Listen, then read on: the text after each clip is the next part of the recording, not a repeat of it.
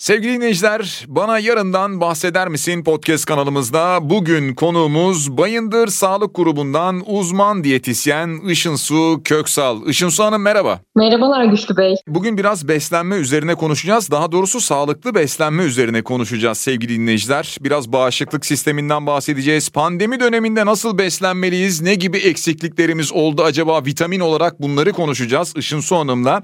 Özellikle de şimdi kış aylarından bahsetmek istiyorum istiyorum. Böyle başlayalım programımıza. Kış aylarında hastalıklardan korunabilmek için hep konuşulur. Sağlıklı beslenmek gerekir. Ama nedir bu sağlıklı beslenme? Kış aylarında nelere dikkat etmeliyiz? Şimdi Güçlü Bey, e, kış aylarında aslında birazcık daha enfeksiyonlara ve hastalıklara yatkın olmamızın sebebi aslında daha fazla kapalı alanda olmamız, daha az oksijen almamız ve biraz da hareket kısıtlılığından kaynaklanıyor. Ee, ve genelde kış aylarında artık vücut e, evrimsel olarak e, birazcık yağ depoluyor ki e, bir kendimizi, vücudumuzu sıcak tutalım diye. Ama maalesef bu aldığımız yağlar da evrimsel süreçte hepimiz kışın daha çok kilo alıyoruz. Sebebi bu yağların vücutta yakıt olarak kullanılması. Ama maalesef bu yağ hücreleri de vücutta toksinleri depoluyor. Dolayısıyla bu toksinler de vücutta çok artınca kan daha toksik hale geliyor ve bu da enfeksiyonlara davetiye çıkarıyor. E, bu sebeple kış aylarında bizim daha da dikkat etmemiz gerekiyor beslenmemize. E, şimdi sağlıklı kalabilmek için nasıl beslenmeliyiz dediğimizde 2-3 konumuz var. Nerede, ne zaman, nasıl aslında? Bu 3M1K sorusunu sorabiliriz. Nerede, ne zaman, nasıl beslenmeliyiz? Ee, nasıl dediğimizde aslında bir sürü sağlıklı beslenme çeşidi, beslenme programı var tarzı. Ee, örneğin bir tanesi e, işlenmiş yiyeceklerden, rafine şekerden, rafine yiyeceklerden uzak düşük karbonhidratlı bir sağlıklı beslenme programı. Hmm. Bu e, program şunu içeriyor rafine ve işlenmiş yiyecekleri hayatımızdan çıkarıyoruz. Nedir bunlar? Beyaz şeker, e, beyaz undan yapılmış yani rafine edilmiş, işlenmiş undan yapılmış beyaz ekmek, beyaz makarna, beyaz pirinç pilavı. E, işlenmiş şekerden yapılmış tatlılar, hamur işleri bunlara mümkün olduğunca az yer veriyoruz ve e, bir de şurada parantez açmak istiyorum. Bu hastalıklara davetiye çıkaran bir şey de fazla kilolar. Hı hı. E, fazla kiloları atmak için de düşük karbonhidratlı beslenmek gayet sağlıklı. Tabii bu diyetisyen ve doktor eşliğinde yapılması lazım. Tabii. Toparlarsak bu beslenme programı düşük karbonhidratlı olacak. Ne kadar kilo vermek istiyorsak. işlenmiş şeker içermeyecek. Ve onun yanı sıra e, bolca sebzeleri, meyveleri, hamur işi dışında karbonhidrat olarak meyve, mevsiminde sebze, meyve, et, tavuk, balık, zeytinyağı, soğuk sıkılmış, hmm. az miktarda tereyağı içeren bir beslenme programı. Ben bu arada şunu duyuyor gibiyim bazı dinleyenlerden. E bunları hayatımızdan çıkartırsak ne manası kalacak hayatın gibi. Bunlara başka bir alternatif var. Mesela beyaz un dediniz ama işte esmer undan yapılan ekmeklerin e, mesela tüketilmesinde bir problem var mı? Veya e, pirinç pilavı dediniz ama işte bulgur pilavı mı tüketilmeli? O doğru mu? Bunları biraz açabilir misiniz? Hı hı. Tabii ki e, kesinlikle pirinç pilavı yerine bulgur pilavı tüketebiliriz. Çünkü bir nebze e, rafine edilmiş değil bizim için sağlıklı ve Türklerin mutfak kültüründe var. Ee, ekmekte ise tamam hadi tam tahıllı ekmek yiyelim. Fakat bu genetiği değiştirilmiş tahıl olmasın. Günümüzde tüm dünyada ve Türkiye'de de genetiği değiştirilmiş tahıl çok fazla ve bu da e, hipotiroidi, tiroid hastalıkları, Hashimoto, diyabet bunlara davetiye çıkarıyor. Hmm. Bunun olmaması adına bizim yöresel uzun yıllardır e, Kastamonu'da e, üretilen ekmeklerimiz var. Kavulca buğdayı ekmeği, siyez buğdayı ekmeği. Biz onu o şehirden yani Kastamonu'dan alabilirsek ya da oturduğumuz yerde bunu yapan, üreten yerler, fırınlar varsa Onlarla beslenebiliriz. Bulgur pilavı, siyez buğdayı ekmeği, kavulca buğdayı ekmeği, kara buğday pilavı gibi. Hı hı. Ama onun haricinde normal bir siyez bulguru değilse bu, normal genetiği değiştirilmiş tam buğday ekmeği ise bunlardan kaçınmamız gerekiyor. Bunlardan kaçınmamız gerekiyor. Peki devam ediyordunuz ben araya girdim. Ee, diğer bir beslenme çeşitimiz de hepimizin yaptığı Akdeniz ülkelerinde uygulanan Akdeniz diyeti. Akdeniz diyetinde de soğuk sızma zeytinyağı, mevsim sebzeleri, bol e, balıktan zengin, e, yanında da tam tahılların olduğu bir diyet. Yine hepsinden belli miktarlarda ve çeşitli rengarenk yenilmesi gerekiyor. E, bir üçüncü diyetimiz de paleo diyeti. taş devri diyeti yani. Hı hı. Belki duyanlarımız vardır Evet. bunu da. Paleo diyetinde de bu e, son 30-50 senedir genetiği değiştirilmiş tahıllar çok olduğu için e, onları çı- çıkarma amaçlı ve tüm işlenmiş yiyecekleri hayatımızdan çıkarıyoruz yine. Yani bu diyette hiç e, siyez buğdayı ekmeği bile olmuyor. E, işlenmemiş yani ormanda hani önceden taş devrindeki insanlar nasıl meyveleri alıp yiyor ve nasıl eti hani bir hayvanı yakalayıp böyle ateşte çeviriyorsa e, kırmızı et, beyaz etin olduğu, bolca meyve sebzenin olduğu bir diyet. Bu üç çeşit de e, oldukça sağlıklı ve bağışıklığımızı güçlendiren e, beslenme programları. Tabii eskiden yoktu ama bunların yanında acaba çay kahve gibi şeyler de içiliyor mu? Paleo diyette. Kesinlikle evet aynen bunların yanında e, onları içebiliriz. Şimdi şunu soracağım bir yandan. Özellikle pandemiyle beraber insanlar bağışıklık sistemlerine dikkat etmeye başladılar. E, bilinçlenmeye başladılar biraz. Bağışıklık sistemimizi hangi besinlerle güçlendirebiliriz? E, mevsim sebzeleriyle birkaç tane de bizim şimdi kürümüz var onlardan bahsedeyim Hmm. size kabaca. Mesela e, brokoli zaten mevsimi de geldi. E, brokoli içinde bolca sülfaran grubu madde içeriyor. Bu da bağışıklığımızı oldukça güçlendiriyor süper besinlerden. E, ve bu sülfaran grubu lahanagillerin hepsinde var. Fakat bunları çiğ tüketmemiz gerekiyor. Isıya maruz kaldığında yapısı bozuluyor ve etkisi kayboluyor. Yani haşlasak da mı olmuyor Işınsu Hanım? Haşlasak olmuyor. Olmuyor. Güçlü Bey. Peki. Buharda pişirebiliriz, Hı hı. az pişirebiliriz. Ee, mesela bir brokoli kürü verebilirim kısaca hemen. Lütfen. Ee, çiğ brokoliyi blenderdan geçirelim 3-4 top brokoliyi. İçine bir iki diş sarımsak ekleyelim. Yarım limonun suyu, yarım limon kabuğu rendesi blenderdan geçirilsin. Ardından cam bir kapta yarım saat, bir saat bekletilsin. Fermente edelim, mayalayalım. Ardından gönül rahatlığıyla istediğimiz kadar yiyebiliriz. Enfeksiyonlara karşı korur bizi. Peki çok güzel. Muhtemelen dinleyicilerimiz bu bölümü başa sarıp bu tarifi alıp deneyeceklerdir diye tahmin ediyorum. Sonra bize notlarını iletsinler. Peki Harika olur. Şunu soracağım yine aslında biraz pandemiyle alakalı bir şeyden bahsedeceğim ama yine bağışıklıkla da bağlantılı aslında. Yani sofradan Hı hı. hangi besinleri eksik etmeyelim? Ee, neler daha çok evimizde sofrada buzdolabında bulunsun? Nelere önem vermeliyiz? Soğan sarımsağı eksik etmeyelim buzdolabından. Hmm. Turşu muhakkak evde kuralım, yapalım, yiyelim. Ee, siyah çay zaten Türk kültüründe bolca Hı hı. var, içelim. Yeşil çay da içelim. Çünkü yeşil çay da onun e, işlenmemiş hali ve daha çok epigalaktokateşin içeriyor. Bu da bağışıklığı güçlendiriyor. Evimizde ada çayı bulunsun, çocuklara da içirebiliriz.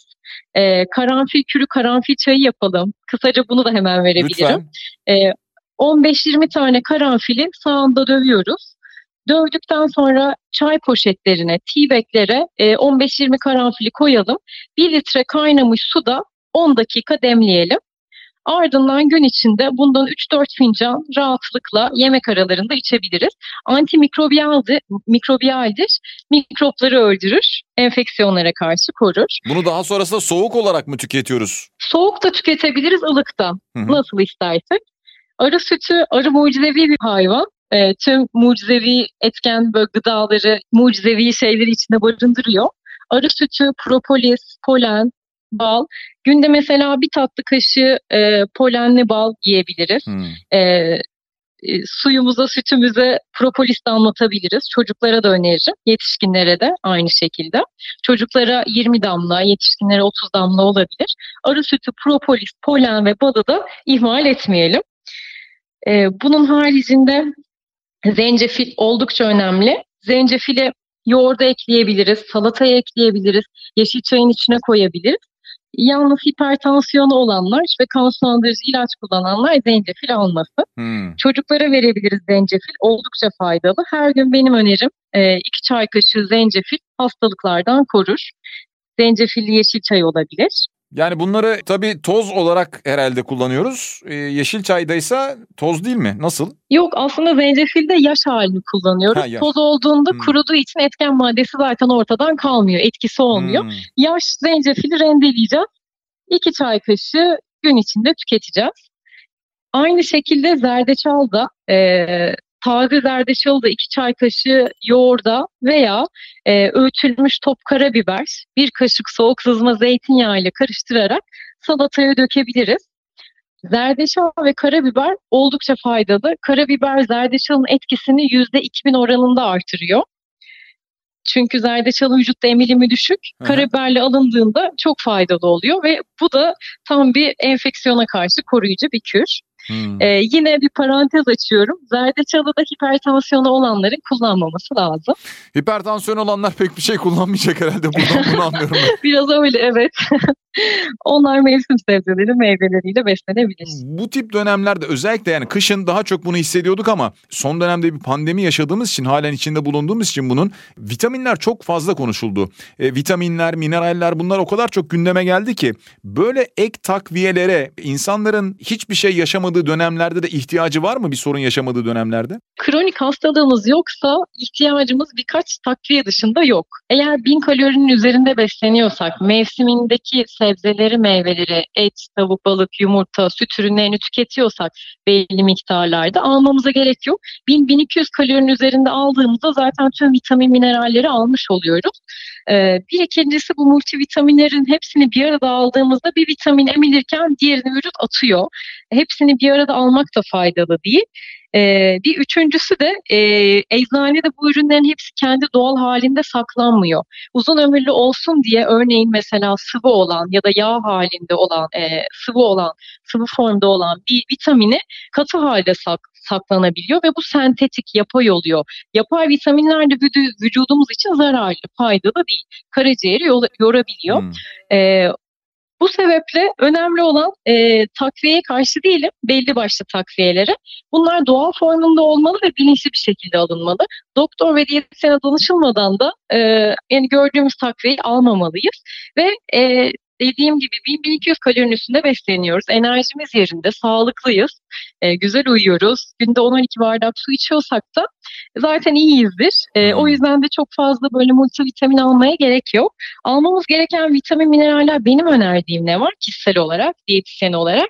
Balık yağını ben herkese öneriyorum. Hmm. Kan sulandırıcı ilaç kullananlar hariç. E, çünkü omega 3'ü dışarıdan almamız gerekiyor. Omega 3 aldığımızda eklem zihin sağlığı için çok önemli. Özellikle yaşlılarda daha da elzem. Hmm. E, mutluluk hormonunu arttırıyor. Covid'e karşı koruyor, bağışıklığı güçlendiriyor aynı şekilde. Antioksidan. Damarları genişletiyor, kalp damar sağlığı için oldukça faydalı.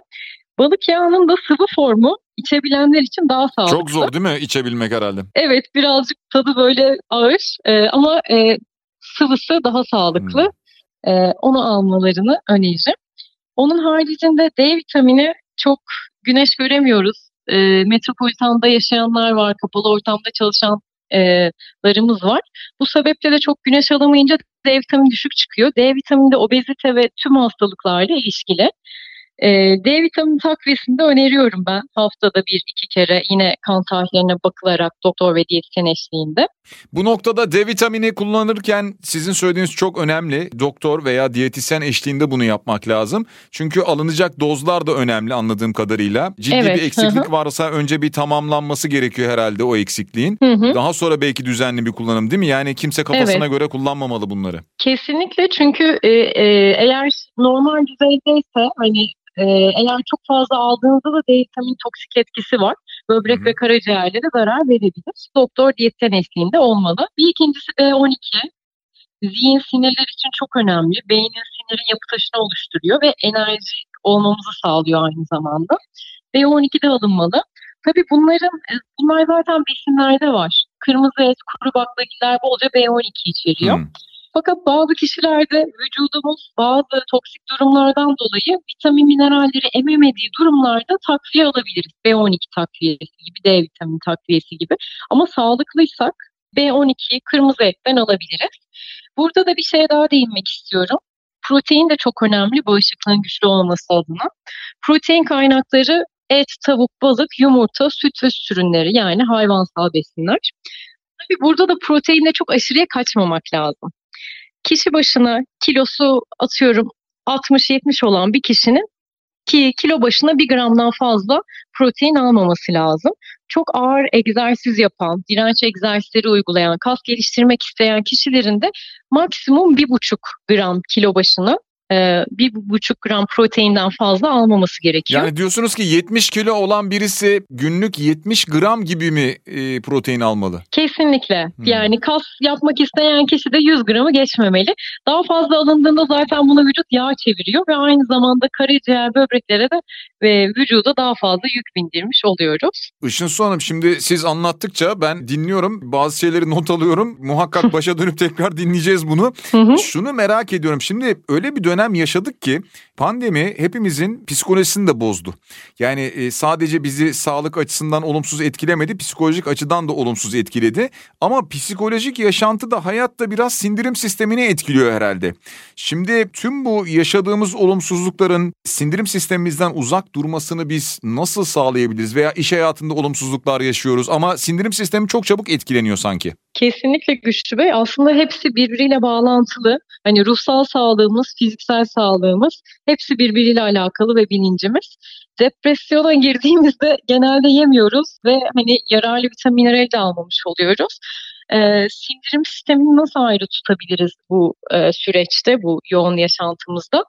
Birazcık bu bilinçle ve iradeyle olabilir aslında. evet. Yani e, birazcık daha derin nefes egzersizi bile yapabiliriz. E, ve e, mümkün olduğunca aslında hani kendimize şunu dememiz lazım. Telkin yapıp ya işlem bir şey yemeyeceğim, fast food yemeyeceğim, şeker tüketmeyeceğim, çayıma şeker atmayacağım. E, hamur işi, pilav, makarna bunlardan biraz uzak duracağım tatlıdan. Çünkü bunlar iyice depresyonu daha da arttırıyor. Bunu söylediğimizde biraz onlardan uzak durup biraz daha sağlıklı beslenmeye başladığımızda o depresyon duygu durumu bozuklukları da e, düzeliyor hafif hmm. bir şekilde. Sonra biraz daha mutlu olunca e, çok tatlıya hani yönelsek de depresyon durumunda depresyondayken daha fazla yönelebiliyoruz. E, biraz daha mutlu olunca e, o enerjiyle daha sağlıklı e, besin seçimleri de yapabiliriz. Evet yani tabii insanlara da muhtemelen tahmin ediyorum size de gelen danışanlarınız oluyor. İnsanlara da bunlardan bir anda uzak dur demek ayrı bir depresyona itiyor olabilir mi acaba? kesinlikle e, kesinlikle orada da şöyle yapıyoruz zaten. Bir anda her şeyi değiştirmiyoruz. E, mesela bir kişi kek, tatlı seviyorsa bunu bari meyvelerden yapalım. Hmm. İçine şeker koymayalım, beyaz un koymayalım. Ne unu koyalım mesela? Mercimek unu koyalım. Hmm. Mercimeğin öğütülerek un haline getirilmiş e, formu. Ya da badem unu koyalım onun içine. Nohut unu koyalım diyoruz. Ya da bol meyveli yapalım. E, istersek bunu da yapabiliriz. E, çok güzel böyle ıslak kekler var, havuçlu tarçınlı kekler var hmm. şekersiz yapılan. Daha sağlıklı.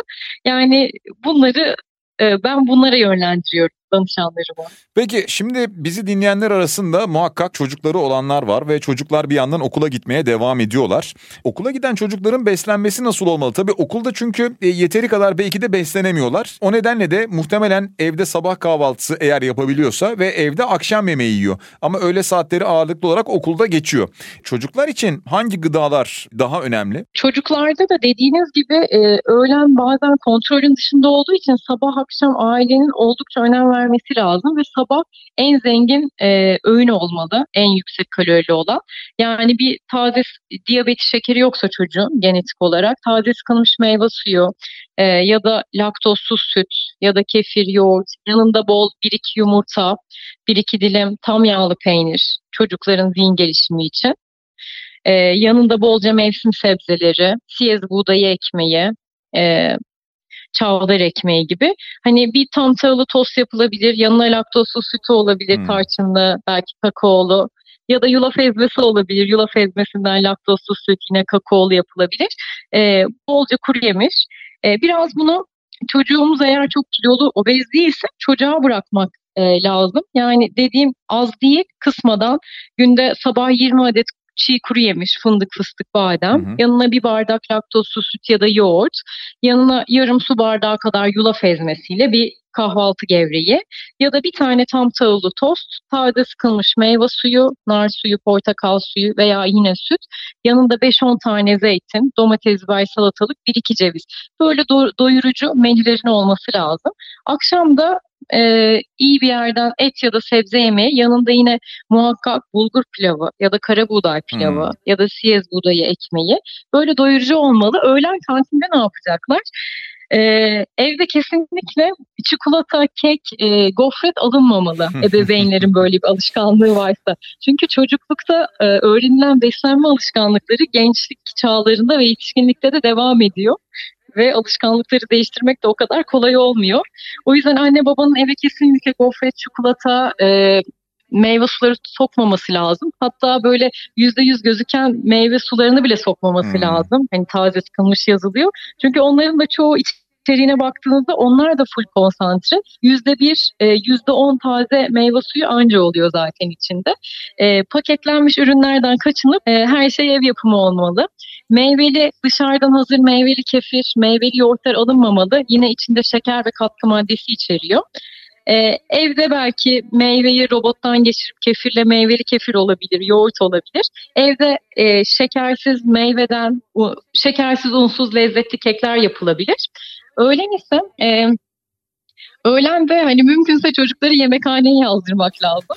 E, yemekhane yoksa da ya hani götüreceğiz bir sandviç olabilir yine. Yapabildikleri kadar ya da iki tane mesela muz, yanında sütü, yanında dört tam ceviz. Bu gayet doyurucu bir öğün ve dengeli. Kuru yemişi de var, süt ve süt ürünleri de var ve enerji verecek meyvesi de var. Aslında bunların hepsinden kendimize de pay çıkartıyoruz tabii netice itibariyle ve bunları siz anlatırken şunu da düşündüm. Akşam yemeğinde yani yetişkinler nasıl beslenmeli veya en geç saat kaçta yemek yemeli? Bazı diyetler var tavsiye ediyor musunuz? Mesela işte 8 saat besleniyorlar veya 6 saat besleniyorlar. Geri kalan işte 16 saat 18 saat aç kalma gibi. E, bunlar için ne diyorsunuz? Çok güzel bir konuya değindiniz. Ben bunu atladım bunu da söyleyecektim kış aylarında enfeksiyonlardan korunmanın bir yolu da ve tüm enfeksiyonlar, kansere karşı korunmanın bir yolu da aslında e, daha az uzun süre aç kalmak, 8 saat beslenmek. E, bu şekilde yaptığımızda vücut hem yağları hem toksinleri hem varsa kanser hücrelerini bile yakıyor. E, örnek vereyim. Mesela diyelim ki kolunuzda bir yara oluştu. Bu yara sizde iki haftada geçerken siz sadece 8 saat beslendiğinizde herhangi bir hastalığınız yoksa uzun süre e, aç kaldığınızda e, 16 saat beslenmediğinizde o yara bir hafta yerine 3 günde iyileşiyor. Mucize gibi aslında. Kesinlikle mucize gibi. Ben bunu danışanlarımdan ve kendimden biliyorum. E, 8 saat yemek oldukça sağlıklı. E, örneğin saat 10'dan 6'ya kadar ya da e, akşam yemekleri olan kişiler için e, 12-8 olabilir toplantısı, iş yemekleri hı hı, olan hı. kişiler için. En sağlıklısı ve e, mümkünse bu depresyondan ve stresten korunmak için akşam et yememek lazım. Akşama hafif sebze hmm. yemekleri çok daha sağlıklı. Böyle depresif, stresi yüksek olan kişiler için, öyle bir hayatı olan kişiler için. Ee, öğlene et, tavuk, balık tüketimi çok daha sağlıklı olur. Akşam daha hafif sebze, yoğurt, salata, çorba, salata, yoğurt şeklinde olabilir. Ya da belki hani evde yemek hazırlamayanlar için bir tam tahıllı tost yanına ceviz ya da zeytin ya da bu şekilde olabilir ya da iki yumurtalı menemen, omlet gibi. Yani ben kendimden biliyorum. Dediğiniz gibi akşam beslenince insan e, hem gece rahat uyuyor hem sabah çok rahat uyanıyor. Gerçekten bu önemli. Peki bu diğer saatlerde yani o beslenmenin olmadığı saatlerde ne yapabilir? E, yani mesela ne içebilir? Bir şey içebilir mi? Bir şey tüketebilir mi? Kesinlikle beslenmenin olmadığı saatlerde maden suyu, çay, kahve, su, şalgam belki, belki domates suyu çünkü şeker içermiyor. Bunları rahatlıkla içebilir. Hmm. Peki son olarak size şunu soracağım. Şimdi öyle bir dönem içerisindeyiz ki belki hayatımıza sosyal medyanın da girmesiyle beraber sağlıklı beslenme dışında soruyorum bunu. Bazıları çok zayıf görünmeye çalışıyor. Yani bu erkeklerde de var, kadınlarda da var. Çok dikkat ediyorlar. E, hatta sağlıksız beslenmeye bile başlıyorlar. Böyle bir trend var sanki. Birincisi sizce bu doğru mu? İkincisi yani bu trend var mı gerçekten? İkincisi gelecekte nasıl bir beslenme modeline geçeceğiz? Çünkü şu an dünyada bir yandan tarım ve gıdaya ulaşmayla ilgili de ciddi manada sorunlar konuşuluyor. İklim değişikliğiyle beraber karşımıza bunlar da çıkacak. Belki biraz önce bahsettiğiniz ete ulaşamayacağız. Belki sebzeye ulaşamayacağız. Geleceği biraz bize nasıl gördüğünüzü anlatabilir misiniz? Ee, tabii ki. Ee, şöyle aslında e, anoreksik bulimik diyoruz buna. Bu sosyal medya güzellik algısını iyice takıntı haline getirdi. Doğallıktan uzaklaştık. Tamamen belli standartlarda ince, e, işte yüzümüz belli şekillerde, fiziksel olarak belli şekillerde e, olmak istiyor herkes. E, bu sebeple de e, yemeği kısıyoruz ve genelde danışanlarımda ve her az çok kişide gözlemlediğim bolca sosyal medyada işte yağ yakıcı karışımlar, yağ yakıcı takviyeler alınıyor. Ya. Bir bunlar oldukça zararlı. İki bu takviyeler de tek başına zaten bir etkisi olmuyor ve çoğu çoğu böyle öne sürülen takviyeler de bilinçsizce öne sürülüyor ve zararlı etkisi oluyor. İkincisi çoğu kişi zayıflamaya çalışıyor ve normal kilosunun da altına düşmeye çalışıyor. Bu daha güzel görünmek adına. Bu da kişilerde e, bir takım kısırlığa yol açabiliyor. Erkeklik ve kadınlık hormonları azalabiliyor, hmm. azalabiliyor. Özellikle kadınlarda. E, bu da doğurganlığı azaltıyor. Vitamin, mineral eksikliğine yol açıyor. Kişinin daha yorgun, e, odaklanma güçlüğü yaratabiliyor. Zihinsel faaliyetlerini kısıtlıyor. Kişiyi aslında sağlıklı kişiden tamamen uzaklaştırıyor. E, ileride, gelecekte tabii bir de şu e, her şeyin bu kadar kolay olması artık yemek yapmayı bile insanların gözünde zor hale getirdi. Bana gelen danışanlarımın e, çoğunda zamanla gördüğüm şey bu hani iş yaşantıları, koşturmacalarından dolayı akşam yemek yapmaz oldular. E, daha çok fast food yiyorlar. Bu da e, bu anoreksiya nervoza, bulimia nervoza inceliğin dışında obeziteyi de getiriyor hmm. tabii ki fast food. E bu da daha depresif insanları yaratabiliyor. Bir de ilerisi için şimdi çok fazla artık bolca tarımda pestisit kullanımı arttı. Evet. Çünkü o kadar çok böcek var ki yani çiftçiler de zaten bunu diyor. Hani böceklerden dolayı bitkiler çürüyor ve bolca kimyasal pestisit kullanıyorlar. E bunlar da insanların vücudunda yine toksik etki üretiyor, zarar veriyor.